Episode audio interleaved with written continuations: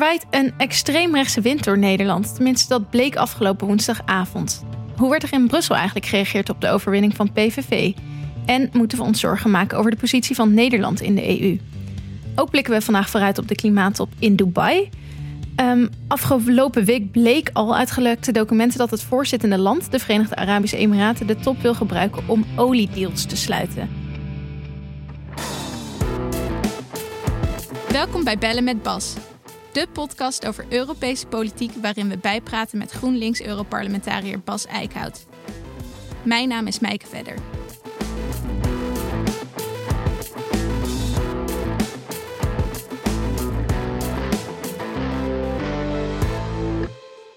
Heel veel te bespreken dus. Ja. Bas, welkom. Dankjewel. Goeiedag, um, Meike. Ja, hoe zit jij erbij na, nou ja, toch volgens mij wel een klap uh, Ja, het is, het, is, het, is, het is nog niet een week geleden. Uh, ja, het, het, was gewoon wel uiteindelijk een klap. Uh, ja. en, en volgens mij hoor je dan altijd van, nou ja, dit is toch gewoon een democratische verkiezing. Ja, daar gaat het niet over. Hè? Weet je dat uh, de mensen hebben. Ge heeft gekozen. Nou ja, de mensen hebben gekozen. En uh, daar, daar zullen we mee uh, moeten dealen. alleen, je vraagt je wel af van, ja, maar weet wel wat er, wat er allemaal uh, op het spel staat. En eigenlijk alles waar, waar ik heel erg hard aan werk, lijkt nu, in ieder geval in deze Nederlandse verkiezingen, uh, afgekeurd te worden. Mm. Uh, hè, Europese samenwerking, klimaatbeleid, eigenlijk alle uitdagingen die we hebben, ook de oorlog in Oekraïne. En dan zegt iedereen van ja, oké, okay, die soep zal niet zo heet gegeten worden als, hè, als je wordt opgediend. Maar ja, weet je, ik neem verkiezingen serieus. Dus ook, ook uh, deze verkiezingsuitslag. En als nu Geert Wilders zijn hele programma opzij zet.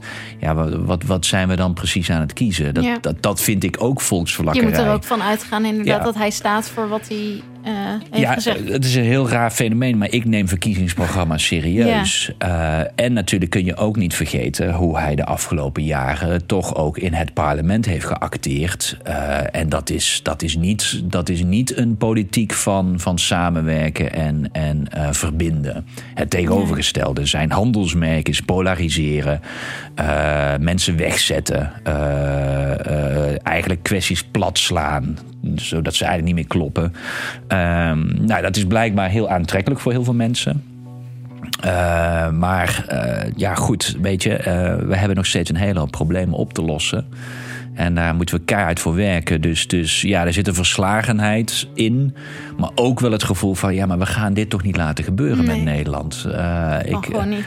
ik, volgens mij ben ik juist te trots op Nederland... om dit mm -hmm. te laten gebeuren. Alleen, ja, de verslagenheid en de strijdbaarheid... wisselen elkaar nog wel een beetje af, om heel eerlijk te zijn. Ja. Dat uh, is ja, een beetje al nagelang mijn bed. Ja, ja. ja, ja. Bas, jij was uh, woensdagavond in Nederland. Uh, daarna weer in Brussel. Hoe waren de reacties hier eigenlijk? Nou, vooral heel veel vragen. Wat is daar gebeurd? Ja. Dat is wel echt. Uh, ja, want wij hadden het niet aanzien komen. Niet uh, deze mate. Nee. Kijk, uh, je voelde natuurlijk wel aan dat, dat. En dat heb ik ook nog wel meegegeven aan. voordat ik naar Nederland ging. Van nou ja, Wilders gaat het gewoon. Hè, die kwam heel duidelijk op. het voelt ook een beetje als een momentopname. Hè, dat je denkt van oké, okay, dit is een soort fotomoment. die woensdag is genomen. Als het de week daarvoor was, had het er heel anders uitgezien. En een week daarna. Ja heb je toch ook het gevoel. Dus het voelt ook niet heel stabiel. Dat het maakt het natuurlijk ook heel uh, ja, onvoorspelbaar en on, onprettig. Uh, en, en ja, iedereen kent Geert Wilders natuurlijk. Uh, dat ja? is toch, ja, weet je, zeker hier in de Europese Unie, in de bubbel, zoals je dat noemt, die volgen allemaal de politiek in alle landen. Hmm. En Geert Wilders is een bekend fenomeen. Is natuurlijk toch een van de eerste populisten die, die ja, opkwam. Hij zit er ook gewoon al heel hij lang. zit er al heel lang. En nou ja, hij, is, hij heeft ook een nogal uh, herkenbaar kapsel, zal ik maar zeggen. Ja. Dus uh, je krijgt ook, oh ja, die blonde is zeg maar, dan, dan weet iedereen over wie het gaat. En ja, het wordt toch echt een beetje gezien als van, maar hoe, hoe kan het dat, dat zo iemand zoveel stemmen krijgt? Dat hij, dat een bepaalde achterban, dat zie je natuurlijk in meer landen. Maar zo'n grote overwinning, ja, dat had men niet zien aankomen. Nee. En dat is ook wel nog redelijk uniek, zo'n grote overwinning. En weet je dat Uh, dan te verklaren meteen als mensen daarnaar vragen van hoe kan dit? Of, Nou, nee, eh, niet de, eigenlijk de, de, de toename in de laatste week. Hè, dat, dat is denk ik, ik ben er ook heel erg benieuwd naar de analisten. Dat we ook peilingen hebben gezien. Hè, de, Ja. Die maandag voor de verkiezingen hebben we een peiling gezien van plus 10 voor de PVV in een week tijd. Ik denk niet dat we zulke verschuivingen zo hebben gezien. Dat laat ook zien hoezeer men op zoek was naar een soort veilige haven.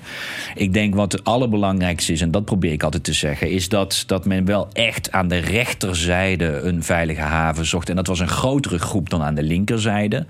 Um, dus wij wisten ook van ja, wij kunnen uh, hè, als GroenLinks PvdA een, een strategische stem naar ons toe krijgen. Ja. Maar uit alle analyses bleek al ja, dat, dat, dat potentieel op links is gewoon aanzienlijk kleiner dan op rechts.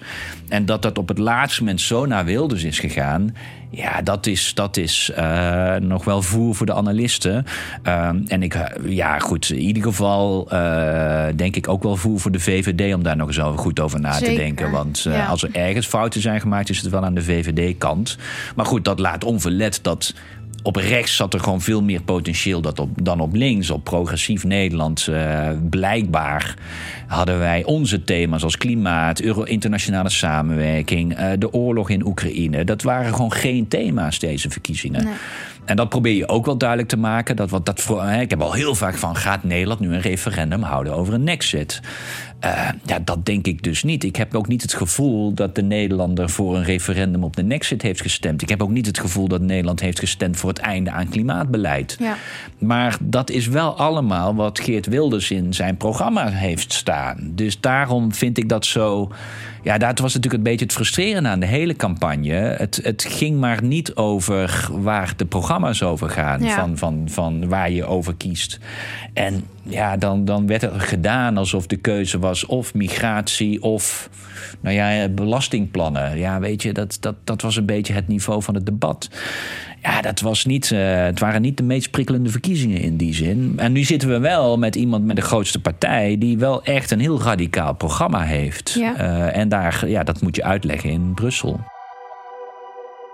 We hebben het nu ook uh, in Nederland al veel over de, de afgelopen campagne en wat, welke fouten daar zijn gemaakt. Uh, maar er wordt ook wel gesproken over dat er een Europese trend zichtbaar is. Tuurlijk, uh, ja. Dat er in andere landen ook steeds meer extreemrechtse overwinningen zijn die ook uh, al mee regeren of gedoogsteun geven. Ja.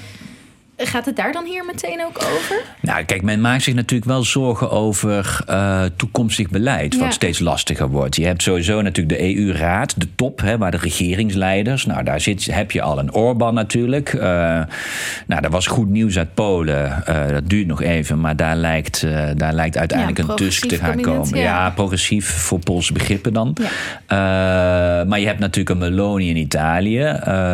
Nou ja, wellicht is een wilde zijn Nederland. Nou, je hebt ook in uh, Finland, in Zweden, heb je ja, rechts met gedoogsteun Ja. van een extreemrechtse partij.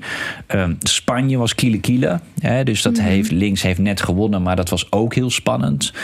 Uh, ja, nee, tuurlijk maakt men zich zorgen. Enerzijds dus over nou, de EU-regeringsleiders. We moeten het gaan hebben over onze hulp aan Oekraïne. We moeten het gaan hebben over geld aan Oekraïne. We moeten het gaan hebben over de Ja. uitbreiding. Ja, Veel dat zijn- onderwerpen waar ook nog veto uh, dat bestaat. zijn dus als één allemaal iemand onder- ja, het er niet mee eens is, dan gaat het niet door. En, en, en dat is denk ik wel ons ook wel te verwijten. We hebben dit ook te weinig gethematiseerd, wel in de campagne natuurlijk. Van jongens, uh, Europa staat echt onder druk en de aanvallen zijn van alle kanten op Europa. En eh, dat betekent dat wij, dat wij echt wel gezamenlijke antwoorden daarop moeten bieden. En daar is eigenlijk niet echt de campagne over gegaan. En als je gewoon gaat kijken waar Wilders voor staat, ja, dan is het eigenlijk stoppen met steun aan Oekraïne, geen uitbreiding, ja. geen geld, uh, wat ik al zei, geen klimaatbeleid. Ja, dat, dat is totaal je kop in het zand steken. En volgens mij wordt niemand daar beter van. Ja. Maar dit is nu wel waar we ons toe moeten verhouden. En uh, ja, ook hier in Brussel kijkt iedereen wel naar die verkiezingsprogramma's en is men wel bezig van hoe komt het toch dat eigenlijk die uitdagingen die wij allemaal wel zien voor Europa dat dat onvoldoende een aantrekkingskracht is voor die partijen die daar proberen in ieder geval iets aan te doen. Ja. Iemand uh, waarvan ik me ook nog afvroeg wat hij hier nu allemaal van vindt, dat uh, is Mark Rutte. Ja, Want, hij is stil. Ja. ja. die heeft toch eigenlijk eerder wel aangegeven, toch wel ook een baan hier in Brussel, uh, of in ieder geval een internationale baan te ambiëren. Ja.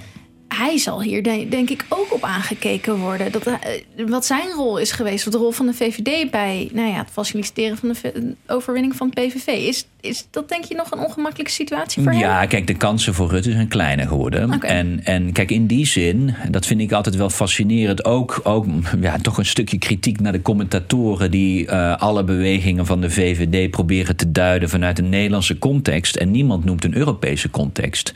Maar je moet niet vergeten dat de VVD in een liberale fractie zit met bijvoorbeeld een Macron.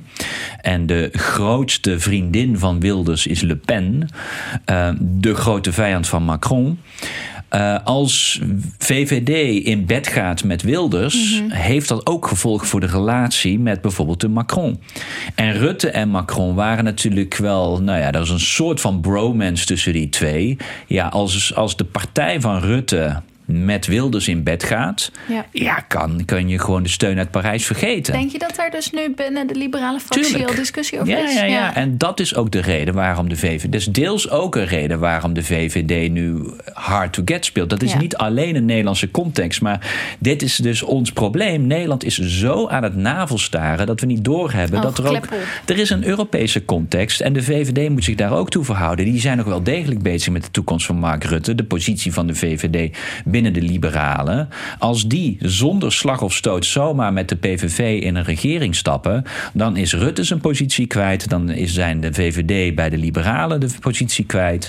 Daar moet VVD zich ook toe verhouden. En in die zin neem ik het ook de VVD kwalijk dat ze in deze hele campagne nooit een soort fundamenteel probleem bij Wilders hebben geschetst, terwijl eh, dat in een Europese context veel zwaarder telt. En dat ze hier doen, ja, Timmermans heeft ook wat uh, enge belastingplannen ja. dat is echt een ander niveau dan waar Wilders. Denk je dan toch echt dat ze zichzelf dachten daarmee naar een eerste plek uh, te kunnen krijgen... en dat ze nu er achteraf spijt van hebben dat die strategie niet heeft gewerkt... en ze zien dat dat Europees dus ook gevolgen heeft? Dit is totale onderschatting geweest van het electoraat. Hè. Je, er wordt wel eens gezegd dat links de voeling met het electoraat heeft verloren. Nou, volgens mij kun je vooral stellen dat de VVD de, hmm.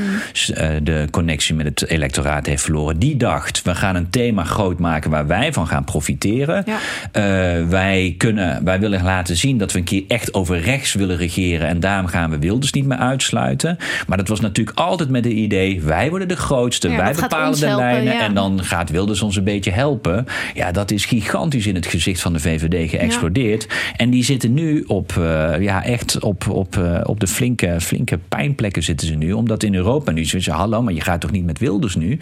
Ja, de VVD heeft de grootste problemen eigenlijk. Ik ben heel benieuwd naar die gesprekken die daar nu gevoerd worden. Ja, goed, ze doen nu net alsof het allemaal uh, oké is. Maar uh, nee, de VVD heeft ook echt wel heel wat uit te leggen. Ook naar hun bedrijfsachterban natuurlijk, die hier ook heel erg zenuwachtig van wordt. Uh, en daar heeft de VVD eigenlijk op migratie zit VVD altijd al de dubbel in. Want het mm. bedrijfsleven wil arbeidsmigratie. Nou, daar heeft de VVD het al niet over. Ehm, het bedrijfsleven wil zekerheid van de politiek. Wil, wil ook het liefst nog wat geld. Nou, daar heeft de VVD het ook niet over gehad. En nu mag uh, de VVD maar aan hun achterban uitleggen hoe, dat, uh, ja, hoe ze dit gaan oplossen. Ja. Uh, maar ja, het lijkt ook in hun eigen partij niet echt een issue te zijn. Dus je kan je ook wel afvragen hoe diepgravend nou de analyses worden van de VVD. Je hebt ook niet het gevoel dat daar nog heel veel diepgravende analyses plaatsvinden. Nee, en ik, ik, ik, zei ook afgelopen weekend van dat ik hoop dat er toch nog wel denkende mensen inderdaad dit soort dingen dan, dan bedenken. Maar toen zei ik iemand van ja, maar we moeten misschien nu niet op het morele kompas van de VVD gaan varen en hopen dat daar onze hoop nog alleen maar zit. Dus... Nou ja, kijk, wat je ziet is dat diegenen die daar nog wel degelijk kritisch op zijn, uh, maar dan kom je snel op het niveau van Ed Nijpels. Uh, die worden eigenlijk door de VVD al, ja, is niet echt de VVD. Ja, ja, oké, okay, dan moet je, moet je misschien als VVD ook je conclusies trekken en ja. niet meer in die liberale fractie in het Europees Parlement gaan zitten. Ja. Nou, vraag ik me ook steeds meer af. Ja, ik vraag me ook steeds meer af wat ze bij die liberale fractie doen. Het is geen liberale partij meer. Nee. Ja, dat nee, is triest om te concluderen. Ja.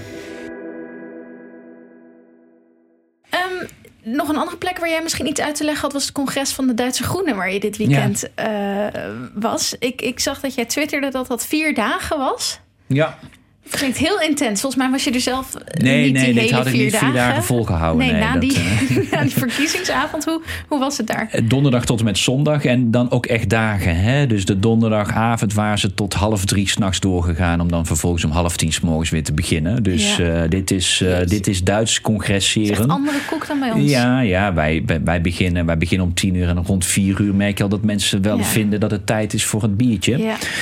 Eh, nee, dat, dat zit anders in bij de Duitsers. Ehm, eh, wel prettig om daar even te zijn. Eh, ik heb inderdaad heel veel vragen gehad over Ja. natuurlijk wat is er aan de hand in Nederland. Eh, maar verder was het vooral voor mij interessant omdat het programma werd vastge- vastgesteld en ook de lijst voor de Europese Ja. verkiezingen. Dus dat je wel een beetje je Duitse collega's, toekomstige collega's ziet en, en nou ja, wat daarachter speelt. Dus dat is, het is gewoon leuk om een keer een kijkje in de keuken te nemen van een, van een zusterpartij. Eh, maar ja, dat gebeurt op een heel andere manier dan bij ons. Dat, Ja. dat zeker, ja. Ja, ja. Dan wil ik vooral toch ook nog even vooruit gaan kijken. Ja, Ehm, ja. ik, ik hoop dat dat positiever is. Jij gaat binnenkort eh, weer naar de klimaattop eh, in Dubai. Ja. Ja, de Conference of the Party, de COP28. eh, kan je heel kort, we hebben het al eerder over gehad, maar die Conference of the Parties, eh, Ja. parties van wat ook alweer? Het is de Klimaatconventie van de Verenigde Naties. Ja. Die is opgericht in 1992 eh, in Rio de Janeiro. Ja. Dat was het grote duurzaamheidscongres van, van de VN in 1992. Toen zijn er op een aantal vlakken zijn er conventies gestart. En eentje is dus op klimaat, de Conventie op Klimaatverandering. Die bestaat dus al sinds 1992. Nou, als je dan on. Bijna elk jaar een klimaatconferentie houdt, dan nou, zitten we nu dus bij Ja. COP28. Ehm, daar zijn er een paar uh, coronajaars overgeslagen. Dus eh, daarom zit Ja. je niet precies op, eh, op het getal. Maar nou ja, het, het komt aardig in de buurt. Ehm, en daar hebben we nou ja, alle, eigenlijk in die 28 klimaattoppen. ehm, dat is één keer per jaar is dat de formele, echt de partijen van die conventie. Ja. Er zitten 192 landen in. Hè? Dus het is bijna de hele wereld is lid van de klimaatconventie van, eh, van de VN. Eh, en die komen bij elkaar één keer per jaar om nou ja, afspraken te maken. Er wordt natuurlijk heel veel overlegd ook tussendoor. Maar één keer per jaar komt dat dan echt fysiek samen bij Ja. een nou ja, een fysieke top.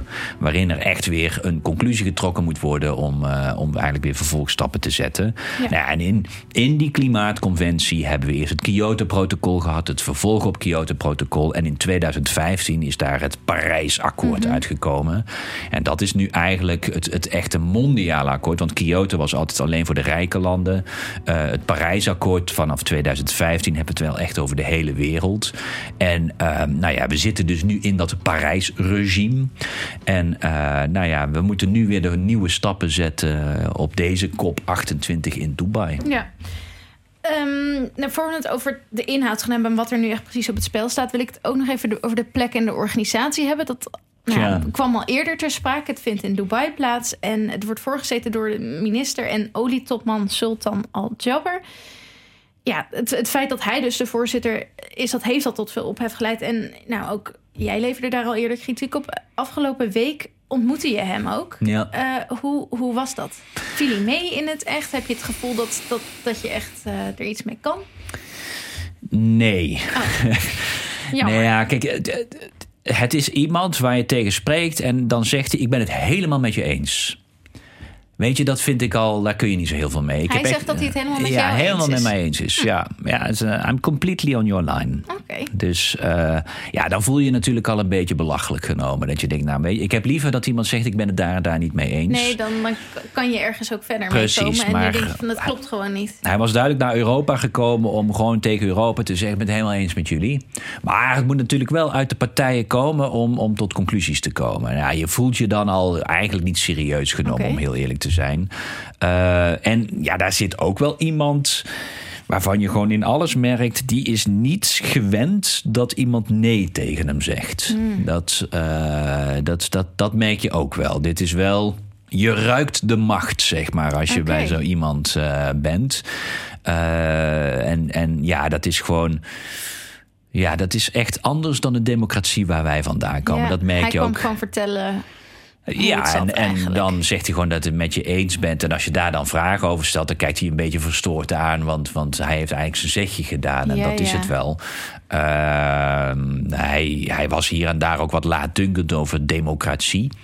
Hmm. Uh, dus ja, je merkt gewoon in alles. Ja, hier zit niet iemand die, die de, de, nou ja, een, een heel erg warm gevoel krijgt bij westerse nee. waarden. Uh, en, en vervolgens weet je dus ook niet goed wat hij nou deze komende twee weken gaat doen. Want hij, ja, hij, hij lijkt gewoon met iedereen gewoon te zeggen: Ik ben het met jullie eens. Ja, dus je weet eigenlijk nog steeds niks. Nee, kijk, uiteindelijk, en, en dat is natuurlijk het irritante. En dit neem ik ook echt wel de Verenigde Naties kwalijk. Uh, de Verenigde Naties heeft een, een vijfjaarlijkse cyclus waarin elke keer een ander deel van de wereld de top mag organiseren. Dat moet dan uit, een, een, uit die groep landen komen. En daar wordt helemaal geen sturing op gegeven. Dus uit, nu, uit deze, dit was dan Azië en daar valt dan Midden-Oosten onder wie zich aanmeldt en zegt: Ik wil de volgende klimaattop organiseren, die wordt het. Nou, dat was vorig jaar Egypte, die was onderdeel van Afrika, die aan de beurt was. Nou, dan wordt het Egypte. Nu uit Azië, Midden-Oosten wordt het Dubai.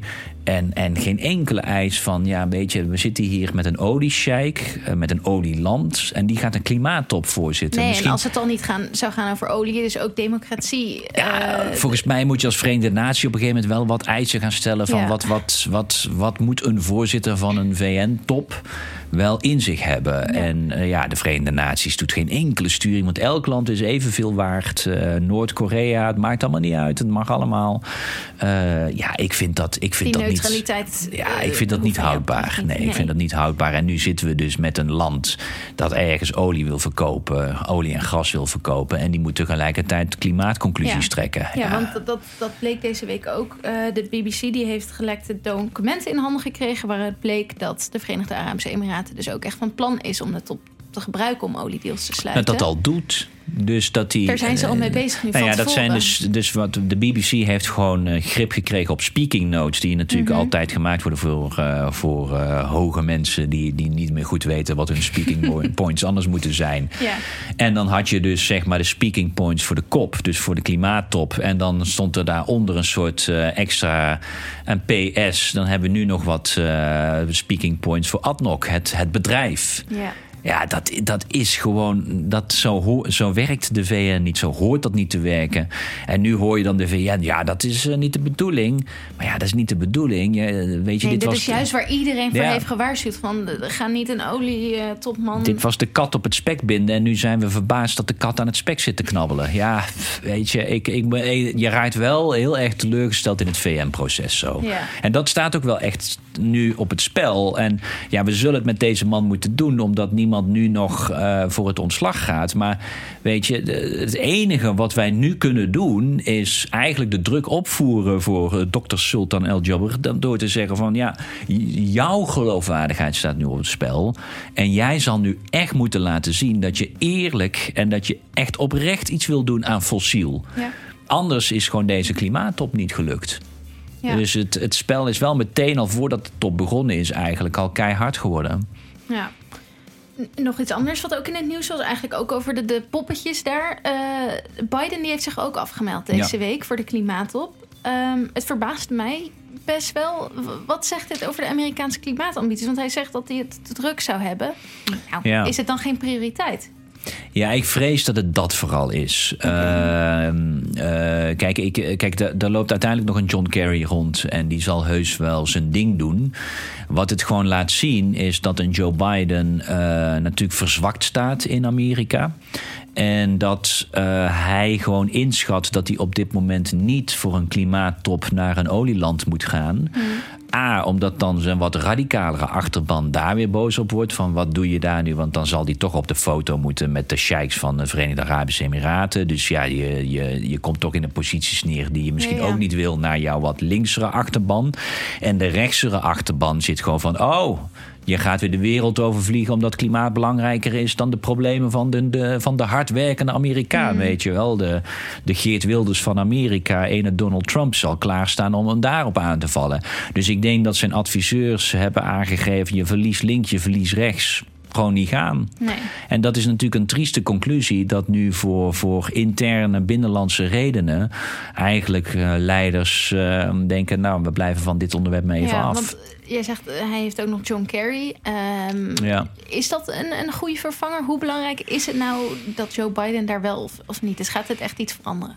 Uh, nou, kijk, het, het, het, was weer een moment om daar met een aantal andere regeringsleiders te spreken. Nou heeft hij natuurlijk Xi Jinping al gesproken van Ja. China. Dus je kan zeggen, nou, dat heeft hij twee weken geleden al gedaan. Uh, maar het, het, het geeft wel ook wel het gewicht van zo'n klimaattop weer. Uh, kijk, en een John Kerry.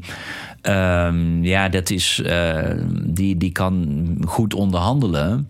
Maar kan uiteindelijk niet uh, dingen uit zijn tas toveren waarin hij niet een mandaat heeft van Joe Biden. Nee, en soms helpt het wel. macht uiteindelijk. Ja, en uiteindelijk helpt het wel dat ook een regeringsleider aanvoelt bij zo'n klimaattop waar zitten de zorgen. En met name bijvoorbeeld op loss and damage, dus echt het thema dat de klimaatschade en Mhm. eigenlijk de vergoedingen van de schade die al wordt geleden door ontwikkelingslanden, daar kijkt men wel heel erg naar Amerika van wan- wanneer gaan jullie je verantwoordelijkheid nemen? Ja, John Kerry Die kan niet kan zeggen niks van, zonder. ik trek mijn portemonnee. nee, Daar die heeft geen echt, macht eh, over de ja. portemonnee. Die heeft Joe Biden ook maar beperkt. Maar als Joe Biden die druk voelt als hij in Dubai is, dan gaat hij weer net iets harder bij het congres trekken. Ja. Ja, dat nu eh, ziet hij dat niet, voelt hij dat niet. Dus ja, Amerika kan weer, eh, kun je wel weer. En die gaat nu een verkiezingsjaar in en dan weer weer afwachten. Dus ja, dit is gewoon niet positief. Nee. Nou, Sorry. nee, jammer, jammer. er Niks Ja, aan je hoopte dat dit een positief Ja. Misschien is het mijn stemming dat het wat. eh, Ja. ja. Dan toch nog meer over de, de inhoud. Eh, je schreef eerder dat deze top draait om klimaatambitie en solidariteit. Ja. Eh, en dat je die twee dingen ook niet los van elkaar kunt zien. Nee. Wat, wat bedoel je daarmee? Nou, omdat voor een aantal landen in de wereld die. kijk, Europa wil altijd die klimaatambitie. Eh, en, en, nou ja, dit is, dit is een van de weinige momenten waarop Europa eensgezind kan zijn. Omdat wat wij doen op dit continent ligt redelijk ver voor op wat er gebeurt in andere landen in Ja. de wereld. Dus, dus Europa kan wel claimen van, nou, er moet wel meer klimaatambitie. Dan vergeten we nog wel eens dat dat ook voor onszelf nog meer klimaatambitie betekent. Maar eh, in principe is dat wel een roep die heel Europa kan doen in eensgezindheid. Maar eh, klimaatambitie alleen ga je nooit krijgen, zeker niet van de ontwikkelingslanden, als die het gevoel hebben dat ze op dit moment oneerlijk en onheus bejegend worden, juist door die westerse landen. En daar zit die solidariteit, daar zit die, eh, die, die eerlijkheid van klimaatbeleid. Dat, dat staat echt wel ook heel erg bovenaan. Want Europa kan wel een grote mond hebben. En ja, we doen ook echt wel met Europees beleid, zetten we echt wel substantiële stappen. Maar het wordt ook wel een beetje gezien als van, wow, wacht even. Ja, A, je hebt eerst de wereld best wel zelf verkloot. Ja.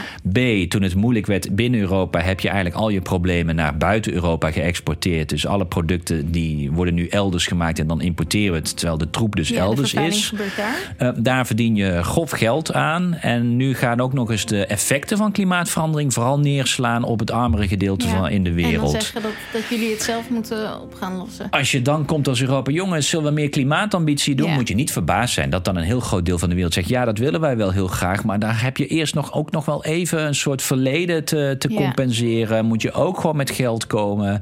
En moet je eigenlijk ook laten zien dat je, nou ja, dat je daar consequent en eerlijk in bent. Nou, dat gedeelte, daar zal Europa altijd op uitgedaagd worden. En daarom gaat dus solidariteit en klimaatambitie ja, hand Ja. in hand. Ja, het zal samen besproken moeten worden.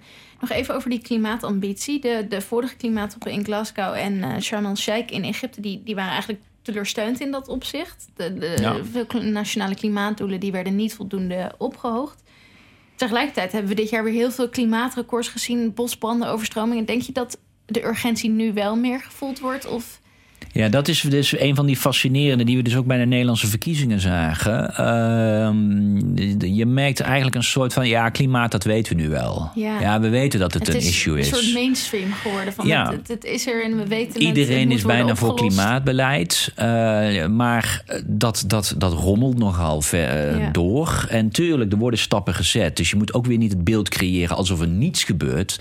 Eh, er worden echt wel stappen gezet. Maar het gaat nog wel te langzaam. En terwijl de mensen mensen het gevoel hebben van ja, maar we hebben nu al heel lang over klimaatbeleid. Moeten we het niet eens over iets anders hebben? Ja, we hebben het er al heel lang over, maar we doen nog steeds te weinig. En buiten het klimaatsysteem zit eigenlijk steeds harder op die deur te kloppen van jongens, er moet echt meer vaart worden gemaakt. Want hoe langer we wachten, hoe moeilijker het wordt. Ja. Uh, maar je merkt een soort van moeheid van ja, dat kennen we nu wel. Terwijl ja, omdat we er heel veel over praten, maar nog steeds te weinig doen. En, en die, dat, dat, dat heeft een soort verlammend effect op, uh, nou ja, op het grotere publiek.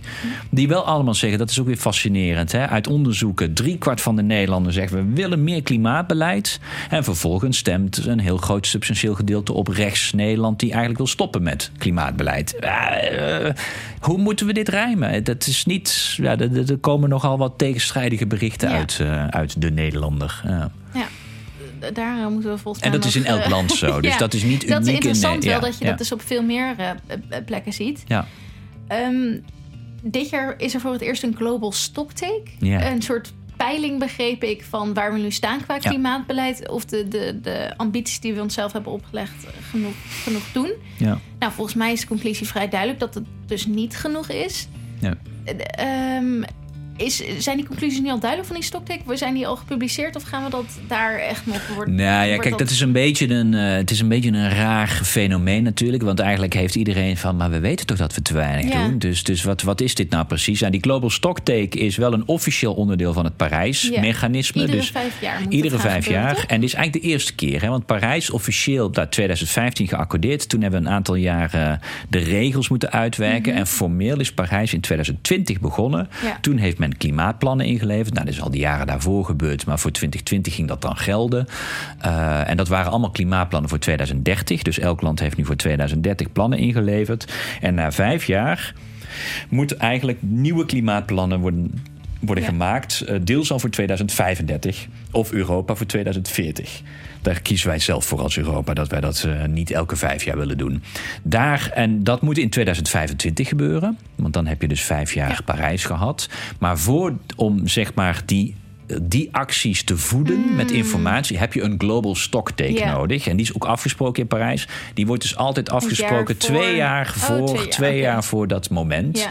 En dat is dus 2023. Yeah. En dit is dus de eerste global stocktake waarin officieel de vergadering van de klimaatconventie moet erkennen dat we te weinig doen. Ja. En hey, is zo'n formeel moment, doet dat dan dus nog iets? Of is het meer van, oh ja, oké, okay, dat wisten we al, maar ja, het staat dat, nu dat, op papier? Dat ligt er dus aan en dat moet dus in die conclusies zijn plek krijgen. Als het gewoon puur een uh, conclusie is, ja, we doen te weinig. Nou, vol, zie je volgend jaar weer. Dan, ja. dan hebben we geen goede global stocktake nee. gehad. Wat dit natuurlijk betekent, is dat de conclusies die je trekt wat de wereld te weinig doet, moet zijn weerslag ja, krijgen in die nationale klimaatplannen. Die, die, National Determined Contributions, ja. zoals dat in goed Nederlands heet. Uh, die moeten een vertaling worden van de conclusie dat er te weinig gebeurt. Nou, dat wo moet, wordt wel belangrijk dat we dat nu heel helder uh, concluderen, zodat ook over twee jaar er echt een druk is voor landen om met serieuze nieuwe plannen te komen. Die, die, die plannen, die uh, National... Uh, Determined Country, ja. NDC. Hè? Dat zijn, ja, als je zo rondloopt op zo'n klimaattop... dan is het de ene afkorting naar de andere. Ja, nou, NDC, onthoud die inderdaad even. Ja. Dat gaat dus over wat ieder land gaat doen om die uitstoot te verminderen. Maar daarnaast moeten er ook afspraken worden gemaakt over het überhaupt het uitfaseren van fossiele energie, toch? Ja, nou dat hoeft officieel niet. Dat, is niet hè? Dat, dat, ligt niet vastgelegd in het Parijsakkoord. Uh, maar uh, er is natuurlijk wel in het Parijsakkoord gevraagd dat ieder land nu aangeeft wanneer gaan jullie klimaatneutraal worden. Nou, dat is eigenlijk allemaal gebeurd. Hè? Dat ja. is uh, Europa 2050, China 2060, India 2070. dat is ongeveer de laatste. Dus de, de, de wereld heeft wel die, die lange termijn plannen neergelegd. Maar daar moet je ook altijd mee oppassen. Wordt een soort afleiding bijna. Nou, ik, ik ga echt heel erg goed worden over 30 jaar. Dat is een, favoriete hobby van politici. Mm -hmm. um, dus, dus, en nu wordt er dan gekeken, oké, okay, maar wat betekent dat voor je plannen? Ja. En eigenlijk in Glasgow hebben de Britten ervoor gezorgd dat voor de eerste keer wel expliciet, ja, maar dan moeten we het ook over fossiel hebben. Want als je het gaat hebben over klimaatneutraliteit, ja, dat zijn allemaal mooie uitspraken, maar die kun je niet serieus menen als we ook niet iets serieus gaan zeggen over, nou ja, de elephant in the room, uh, de olifant in de kamer. Mm -hmm fossiel. Voor mij is dat vanzelfsprekend. Als je je uitstoot gaat verminderen, dan zul je toch minder fossiele energie, fossiele, ja, fossiel uit de grond moeten gaan halen? Nou ja, er is volgens mij ook geen wetenschapper die niet zegt van ja, dat betekent natuurlijk iets voor je gebruik van fossiel. Ja. Nou ja Alleen voor niet-wetenschappers denk ik is dat niet moeilijk te begrijpen. Ja, maar daar in dat vakgebied zitten ook bedrijven en politici. En met name de fossiellobby wil nog wel eens heel graag dat beeld oproepen. Nee, maar we kunnen ook fossiel blijven gebruiken. Maar we gaan dan de uitstoot van oh fossiel vastleggen. En dat is dan het befaamde C2 vastleggen onder de grond. Ook daar, elke wetenschapper zal beamen, absoluut, er is een rol voor CO2-vastlegging. Alleen iedere wetenschapper zal jou vertellen, maar dat kan maar in beperkte mate. Er is een bepaalde hoeveelheid CO2 die je kan vastleggen. het grote gedeelte. nee, en zeker niet zomaar het verbranden van energie. Daar zul je echt voor alternatieven moeten gaan. Dus, ook dus die er ook zijn. Ja, en die zijn er ook. Uh, ook nog betaalbaar, uh, maar wel vaak uh, ja, met, met andere verdienmodellen. Ja. duurzame energie is, is uh, veel minder een verdienmodel voor iemand die. Kijk, als jij op fossiel in jouw grond hebt, dat is gewoon geld. Dat jij zonnestralen op jouw aarde, op jouw stukje land hebt, dat is geen geld. Dus, dus er is gewoon minder een verdienmodel te koppelen aan, mm. aan duurzaam dan aan fossiel. Duurzaam is vooral een kostenplaatje bij de aanschaf, maar vervolgens het gebruik is eigenlijk alleen maar voor de gebruiker. Ja. Dat is heel mooi voor de consument. Democratie, je hebt meer het bezit over je eigen energie. Maar daar zit geen marktpartij die er geld aan kan verdienen. Bij fossiel is het andersom. Ah, de investeringen in een verbrand- en gascentrale zijn relatief klein. En vervolgens kun je jarenlang cashen met gas en olie verkopen. Dus ja, daar zit ja, de verdeling van macht gaat hierdoor ook. Er zit een verdeling van, macht. Er zit gewoon, uh, er zit gewoon ongelofelijke gevestigde belangen achter. En, en ja, een aantal regeringen, ja, dat zijn nog geen regeringen, dat zijn gewoon verkapte gas- en oliebedrijven. Ja. Wat, wat is nu de inzet? Uh, jij gaat met de delegatie van het, het Europese parlement uh, naar, naar Dubai als het gaat over die uitfasering van, eh, van fossiel? Nou ja, nu komen we dan dus op die discussie van... eigenlijk willen wij gewoon als Europees parlement zeggen... er moet gewoon einde aan fossiel ja. inkomen. Uh, er, was, er, er zijn dus discussies, gaan we face down of face out? Nou, ga daarop letten. Face down is dus afbouwen Afbouw, en niet face zeggen, het precies. sowieso naar Dus niet een nulpunt. Uh, face out betekent, je hebt in ieder geval een nulpunt. Nou, bij voorkeur wil je dan ook nog wel een jaartal aangekoppeld zien. Dat maakt ook wel weer uit. Nou, dat, of dat gaat gebeuren of niet. En wat je heel erg in deze discussie discussies gaat zien, dan gaat het woordje unabated ja, de kop op. Ja, daar hadden we het al eerder over Precies. dat Hoekstra zich daar ook een beetje in, in verslikt had. Ja, dat hij, uh, dat hij had gezegd, ja, we zijn voor het einde aan unabated fossiel. Ja, dat betekent eigenlijk niks. Dat zegt Shell ook. Wij gaan het einde, wij gaan ook naar een einde van unabated fossiel. Wat dat betekent is een niet gecompenseerd fossiel. Met andere woorden, als ik fossiel verkoop waar ik wel voor compenseer door bijvoorbeeld CO2 onder de grond op te slaan, dan mag het wel. Ja, dat, ja. dat, dus nee, je laat nee, nog dus. ruimte eigenlijk voor doorgaan met hoe we het nu doen. Behalve dus dat je CO2 gaat afvangen, waarvan jij zegt ja. dat, dat kunnen we niet voor alles gaan doen. Ja, daar zit deze hele discussie achter. Als je alleen maar zegt, wij zijn voor het einde aan een abated fossiel. Wat je dan zegt is gewoon, oké, we gaan gewoon door met fossiel. Alleen we moeten nog wat gaan verzinnen bij, eh, zeg maar, om die CO2 die we bij het verbranden eh, krijgen, om dat op te vangen. Ja, dat is niet een duurzame oplossing. Dat zal elke wetenschapper je vertellen. Dat er een aantal sectoren zijn die misschien op een gegeven moment echt nog wat fossiel nodig hebben. En dat ze niet zonder kunnen, dat is waar. Ja, zijn een en daar zullen technologieën ingezet moeten worden waar je dus die Precies, CO2 dus wij, wij, ontkennen ook niet, ja, wij ontkennen ook niet het nut en noodzaak van die CO2-opslagtechniek. Alleen dat moet je niet aan een gascentrale of een kolencentrale ja. koppelen, want dan ben je echt een techniek aan het verspillen. Ja. Nou ja, en daar moet je keihard zeggen: einde aan fossiel voor energie. En misschien voor de hard-to-abate sectoren, oftewel de sectoren waar het moeilijk is om, uh, om, om af te komen van fossiel, daar moet je die techniek op inzetten. Kan je nog uitzonderen? Ja, nou ja, dat, dat worden belangrijke okay. discussies in Dubai of het ja. op deze manier zijn plek gaat krijgen. Oké, okay, dus dat wordt unabated, houd dat goed in de gaten. Ja, phase-out, jaartal, phase-down, unabated, ik, ik nog eentje eraan toevoegen. Loss and damage noemde je eerder. Dus de discussie over solidariteit en dat de rijkere landen, uh, armere landen moeten gaan helpen. Uh, met het ophogen ook van die klimaatambities of het vergoeden van klimaatschade. Wat is eigenlijk precies ja, waar, dit is waar mag dat voor gebruikt gaan worden? Nou ja, dit, dit is eigenlijk wat in Sharm el-Sheikh is afgesproken. Van oké, we gaan dus... Uh, eigenlijk is er een soort erkenning dat we ook naar loss and damage moeten kijken. Eigenlijk als je teruggaat naar de Klimaatconventie 1992... Okay. Ja, we gaan even terug. ja. Daarin werden al geïdentificeerd mitigatie, adaptatie. Mitigatie is dus het verminderen van de uitstoot van broeikasgassen. Dat is dus gewoon precies. En adaptatie is aanpassen aan de klimaatverandering. Want we zullen ook zullen moeten gaan investeren. ja, er zullen gevolgen zijn, daar moeten we ons tegen wapenen. Eigenlijk is er in de loop der tijd steeds weer een derde tak bijgekomen. En dat is dat loss and damage. Die zegt van ja, het is allemaal goed dat er geld gaat naar minder uh, uitstoot. Het is goed dat er geld gaat naar aanpassing. Bijvoorbeeld in Nederland verhogen van de dijken. Uh, maar we hebben ook steeds meer gewoon klimaatextremen die optreden, die heftiger worden en die gewoon directe schade veroorzaken. En dat loopt in de miljarden. Er zijn ook schattingen van dat dat 300 tot 600 miljard euro hmm. in twee, per jaar in 2030 gaat kosten aan ons allemaal. En dat zijn kosten die vaak neerslaan op landen die die mogelijkheden niet hebben. Dus, en dan kom je heel erg bij die solidariteitsvraagstuk. Hè, wat ik al eerder zei. De westerse wereld heeft toch het grotere historische verantwoordelijkheid. Heeft ook qua producten de, de, trans, de, de productie geëxporteerd. Uh, en nu slaan de effecten daar neer waar die landen het eigenlijk minst aan hebben gedaan.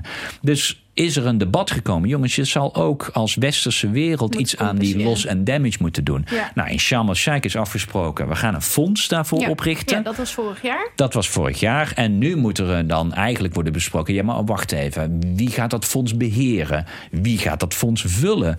Wie krijgt dat fonds? vorig jaar lag die discussie er volgens mij wel, maar ja, nee, daar is geen over eens worden. Dus het was meer van, we, zijn het wel over eens dat er een fonds moet komen. Die andere discussies stellen we nog even uit. Die zijn uitgesteld en die, daar is nou dit jaar allerlei discussies over geweest. Er ligt nu wel een soort van, van compromis voor. Uh, en dat is nu naar die klimaatconventie gestuurd, formeel zeg maar, als inzending. Uh, maar daar heeft bijvoorbeeld de Verenigde Staten van gezegd: van nou zend het maar in naar de klimaatconventie. Maar wij zijn het er nog niet mee eens. Ja. Dus dat moet ook nog opgelost worden. En als jij die loss and damage niet oplost, dan kun jij niet verwachten van Latijns-Amerika, Afrikaanse Unie, dat die gaan zeggen: Oh, maar Europa, wij steunen jullie wel met, ja. uh, met het pleidooi voor meer klimaatambitie. Die zullen echt dit als een uitruil. En daarmee worden die twee debatten gewoon keihard gekoppeld in Dubai. Ja. En, eh, en, wat het Europees Parlement is er dus ook. Wat, wat gaan jullie daarvoor pleiten als het aankomt dus op loss en damage? Nou ja, wij maken heel duidelijk als Europees Parlement van jongens, dit, dit moet inderdaad gevuld worden. We moeten gaan kijken naar nieuwe vormen van, uh, van financiering van okay. loss en damage. Denk ook bijvoorbeeld eigenlijk de luchtvaart, waar nog steeds bijvoorbeeld er geen uh, accijnzen zitten op kerosine, omdat dat internationaal zo is afgesproken. Dan kan elk land wel weer wat extra's doen, maar dat gebeurt zelden. Eigenlijk zou je daar ook mondiaal een afspraak ja. over moeten maken. En dan kun je dat geld ook meteen gebruiken om bijvoorbeeld zo'n loss and damage fonds mee te, te, vullen. Dus er zijn allerlei manieren waarop je kan gaan nadenken over natuurlijk geld genereren dat gebruikt kan gaan worden om de schade te compenseren.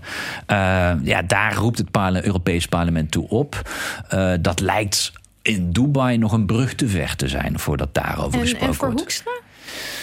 Nou, Hoekstra hij, heeft, hij heeft een mandaat van de regeringsleiders ook. Ja, die hebben nog niet zo heel veel gezegd over uh, precieze vulling. Wel dat er gekeken moet worden naar nieuwe innovatieve vormen van financiering. Ja. Uh, wel heeft Europa erkend van er moet losse damage komen. Wij zijn het er ook mee eens dat de rijke wereld eigenlijk de leiding moet nemen in het vullen van dat fonds. Okay. Dus Europa heeft echt wel stappen gezet verder dan Amerika. En dat lijkt me heel gezond. Dat mm -hmm. wij niet weer die westerse wereld versus de rest uh, neerkrijgen. Um, maar ja, goed, ook Europa zal echt nog naar, met een aantal landen moeten gaan kijken: van gaan jullie ook nog over de brug komen met ja. concrete toezeggingen? Daar zal men ook zeker in Dubai uh, naar kijken. Ja. En, en, ja, en Hoekstra moet dat allemaal coördineren en, en die 27 kikkers in die, ja, in die, in die kruiwagen houden. Ja, ja. Mooi vak. Ik wens hem daar heel veel succes mee. Ja. Uh, jij bent er de, de tweede week ja. volgens mij. Het begint dus aanstaande donderdag 30 november. Ja, en dan heb je vrijdag 1 december en zaterdag 2 december zal het high-level gebeurte zijn. Dus okay. dan krijg je alle toespraken van de leien gaat ja. erheen. En nou, ja. dat, worden, dat worden prachtige toespraken. Uh, waar je een beetje het kaf van het koor moet scheiden. Er zit een hoop bla bla bij. Maar het is natuurlijk toch interessant om daar Zou de detail... Rutte er nu nog zijn als Weet ik eigenlijk niet, om heel eerlijk te zijn. Die uh, heeft er wel eens... Ja, normaal. Ja, ik, ik, ben, ben eigenlijk, ik weet eigenlijk niet of. Nederland Nederland Nou. daar zal zijn. Al, dan is het Mark Rutte de- als demissionair eh, premier.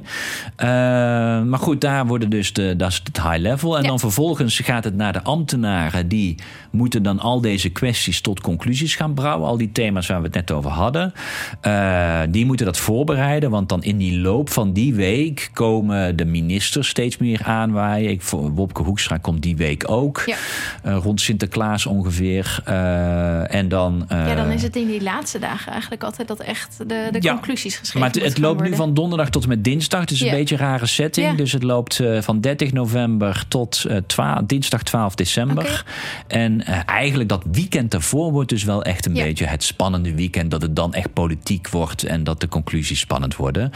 Formeel loopt het dinsdag af. Het zou me niet verbazen als we nog naar een woensdag doorgaan. Nee. Misschien zelfs een donderdag, Ja, ik weet zal het niet niet. de eerste keer zijn. Nee, het zal niet de eerste keer zijn. Nee, nee. Oké, ik hoop dat het ons lukt om daarna eh, ook nog weer een aflevering op te nemen voor de, de kerst, denk ik dan. Dat we het kunnen nabeschouwen. Moet wel nog Die nabeschouwing gaat er in ieder geval komen. Maar wil je in de tussentijd op de hoogte blijven? Jij gaat ook weer eh, ja, blogs eigenlijk schrijven. Ja, over ja, wat er achter de schermen ja. allemaal gebeurt. Absoluut. Eh, dus wil je nou gewoon echt ja, op, de, op de hoogte blijven van, van wat er aan de hand is, dan moet je je voor die nieuwsbrief even opgeven. Daar zal ik de link van delen. Ja, in ieder geval bedankt voor deze voorbeschouwing. Ja, En we heel gaan veel het succes. zien. Dankjewel. Dankjewel. Hoi.